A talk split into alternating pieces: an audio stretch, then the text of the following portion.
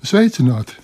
Mans vārds ir Māris Zunde, un es strādāju Latvijas Universitātes Latvijas Vēstures institūta dendrochronoloģijas laboratorijā. Vai zini, kāpēc senie flāmu un holandiešu mākslinieki savas gleznas vislabprātāk gleznoja uz Baltijas ozola koksnes? Un kā šo faktu konstatē mūsdienās?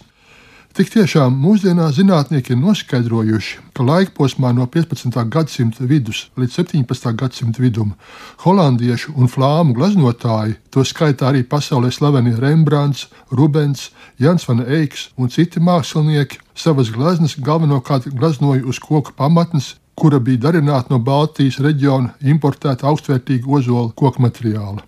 Šos ozola koku materiālus tolaik sauc par vaņķusiem. Gleznu pamatņu darināšanai paredzētos vaņķosus dažkārt jau pirms eksportēšanas radikāli sašķēla līdz 30 cm platos dēļos, tos atstājot ar nevienādu sānu biezumu.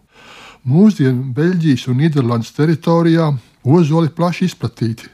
Tur savaļā aug gan parastais, gan kliņš ozols, un pateicoties to samērā plašai izplatībai, kā arī to koksnes labajām īpašībām, Minētajās teritorijās iedzīvotāji viduslaikos ozolu koku materiālus daudz izmantoja celtniecībā un burbuļu būvēi.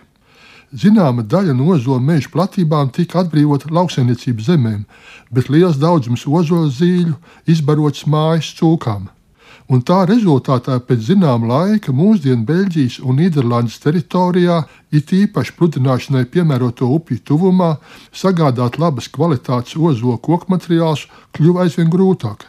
Tāpēc tos pamazām sāka meklēt un importēt no to valstu teritorijas, kuras atrodas tuvāk pie Baltijas jūras. Izrādījās, ka no Polijas piegādāto vaņķosu koksne bija ar smalkāku un taisnāku šķiedru. Tas nozīmē, ka no tās bija vieglāk sagatavot taisnus, kvalitatīvus pamatņu dēļus. Turklāt tie žūstot mazāk deformējās. Smalkšķiedrai no ozola pamatņu virsmas sagatavošanai bija jāiegulda mazāks darbs, bet tās gruntēšanai pietika plānāku gruntsslāni. Līdz ar to polijas ozola koksni, to salīdzinot ar toreizējā Flandrijā un Holandē augušo ozola koksni, kā gleznu pamatņu materiālu gleznotāji sāk vērtēt ievērojami augstāk.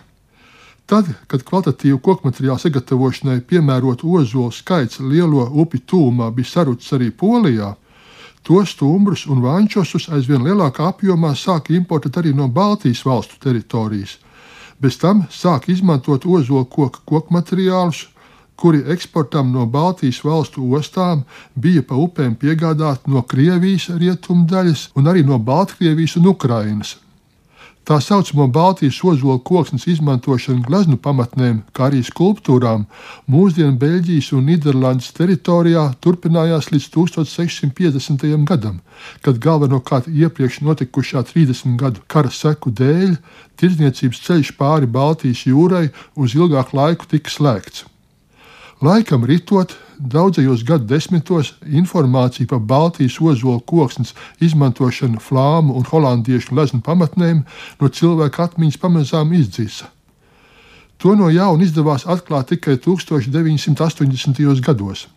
Iepriekšējā dekādē, tas ir 1970. gados, Nīderlandes un neatkarīgi arī Anglijas mākslas muzejos tika veikta daudzu vēsturisko gleznu pamatņu dendrochronoloģiskā datēšana un vienlaikus to oriģināluma pārbaude.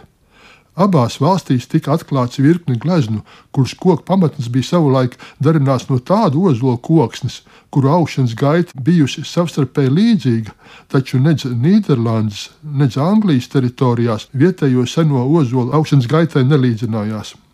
Tikai 1980. gados izdevās noskaidrot, ka šo ozolu augšanas gaita ļoti līdzinās to ozolu augšanas gaitai, no kuru koksnes bija darināts būdētais vairākām vēsturiskām koku ēkām Polijā.